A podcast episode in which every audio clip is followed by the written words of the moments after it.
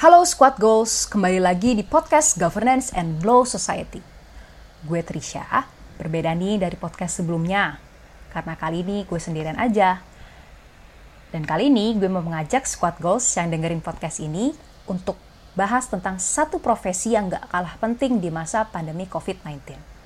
Bicara soal pandemi COVID-19, kita sepakat bahwa tenaga kesehatan merupakan profesi yang penting banget dalam menangani COVID-19 sering banget ya kita mendengar atau melihat berita tentang perjuangan para tenaga kesehatan. Banyak yang kelelahan, stres, sakit, atau bahkan yang lebih menyedihkan yaitu mereka kehilangan nyawa mereka. Tapi selain tenaga kesehatan, ada juga loh profesi yang tidak kalah penting nih di masa pandemi ini. Mereka adalah para guru yang tetap bersemangat mengajar murid-muridnya yang bisa jadi mengalami demotivasi karena adanya pandemi Salah satu sektor yang juga terdampak pandemi adalah pendidikan. Ketika awal pandemi, Menteri Pendidikan dan Kebudayaan mengeluarkan surat edaran nomor 4 tahun 2020 tentang pelaksanaan kebijakan pendidikan dalam masa darurat penyebaran COVID-19. Di SE itu disebutkan juga mengenai proses belajar dari rumah. Sebelum-sebelumnya yang saya tahu dan yang saya alami, yang namanya proses belajar mengajar, ya berarti murid dan guru bertemu di sekolah. Dan di sini berarti kalau proses belajar dari rumah, baik murid dan juga guru harus beradaptasi nih dengan uh, sistem yang baru. Dan juga ternyata setelah berjalan proses belajar mengajar di rumah, ada keluluhan nih karena murid-murid banyak yang kelelahan karena menatap gadget terlalu lama, jadi kurang gerak ataupun stres. Tapi ternyata keluhan itu juga dialami loh oleh para guru para guru juga lelah, mereka harus menyiapkan bahan ajar, mereka harus mengajar, mereka pun juga harus mengoreksi ujian dari muridnya. Jadi guru pun juga mengalami uh, hal yang sama seperti para murid. Mungkin buat beberapa dari kita, belajar dari rumah itu bukanlah hal yang sulit. Jaringan internet tersedia, gadget pun juga sudah tersedia.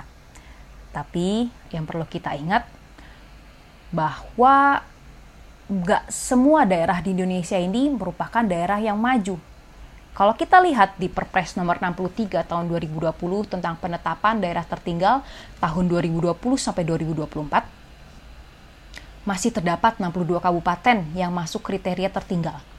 Dan tentunya guru-guru yang mengajar di daerah tertinggal itu harus berupaya ekstra untuk memastikan proses belajar dari rumah ini bisa benar-benar berjalan dengan baik.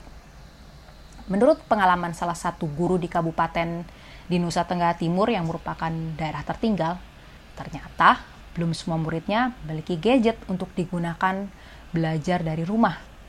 Gadget aja nggak ada, gimana mereka mau bisa menggunakan kuota internet?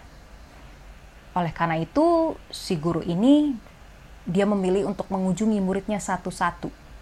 Dan ternyata tempat tinggal para muridnya ini ya nggak nggak semuanya berdekatan jadi dia harus e, berkendara cukup jauh untuk mengunjungi para murid-muridnya.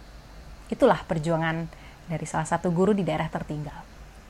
Lalu mungkin kita berpikir oh itu kan di daerah tertinggal. Bisa jadi di Jakarta ya tidak ada kendala yang berarti ya. Karena di Jakarta kita tahu ya akses internet itu bisa ada di mana-mana. Di sekolah para murid pun juga pasti sudah ada akses internet ya dan murid-murid yang berasal dari keluarga tidak mampu pun dia bisa mendapatkan fasilitas kartu Jakarta Pintar. Dan juga kita tahu ketika pandemi ini pemerintah menyediakan kuota bantuan internet untuk para pelajar. Tapi ternyata dengan semua kemudahan yang ada di Jakarta, nggak otomatis membuat murid-muridnya menjadi semangat belajar. Bahkan ada juga loh murid di Jakarta yang pengen berhenti sekolah karena dia merasa tidak sanggup belajar dia bilang ke gurunya bahwa dia mau keluar aja karena mereka karena dia mau mengambil paket C aja karena dia ngerasa nggak sanggup lah untuk bersusah-susah belajar di sekolah. Ya ini tentunya menjadi tugas yang berat ya untuk guru untuk membujuk anak itu, untuk meyakinkan anak itu supaya dia bisa sekolah dengan benar. Dan juga tantangan yang pasti dialami oleh para guru adalah para guru tidak bisa memantau murid-muridnya apakah dia benar-benar mengerti apa yang diajarkan oleh guru. Misalnya ketika guru menerangkan ya bisa jadi sih di videonya anaknya ada, tapi kan kita nggak tahu. Ternyata dia buka hal yang lain, atau bisa jadi gurunya di mute, dia melakukan hal yang lain. Ya, itulah. Guru tidak tahu, guru tidak bisa memantau. Beruntung ya, sekarang nih masa di tahun 2021 ini sudah dilaksanakan uh, pembelajaran tatap muka terbatas. Ya, semoga dengan adanya pembelajaran tatap muka terbatas ini, murid-murid yang uh, sebelumnya kurang paham mengenai pelajaran ataupun yang masih sulit untuk mengerti ketika kalau belajar dari rumah bisa lebih paham. Sebenarnya ya masih banyak lagi tantangan yang dihadapi oleh para guru di Indonesia. Bukan cuma di masa pandemi, tapi sebelum pandemi pun ya mereka juga harus menghadapi murid-murid yang mungkin suka berantem, terlambat, males, atau bahkan menghadapi orang tua murid yang gak sepemikiran dengan guru Menjadi guru bukanlah hal yang mudah. Gak cuma sekedar memberikan mata pelajaran, guru pun harus mendidik karakter dari murid-muridnya. Di tangan para guru lah karakter anak-anak muridnya ini dibentuk. Oleh karena itu, dalam rangka memperingati Hari Guru Nasional tanggal 25 November, mari kita apresiasi usaha para guru untuk tetap mengajar dan mendidik khususnya saat pandemi COVID-19 ini.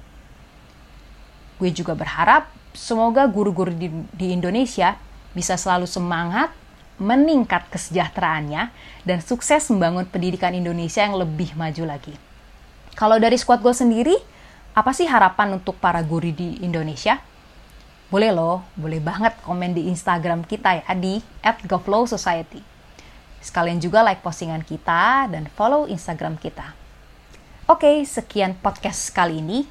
Till next time, bye!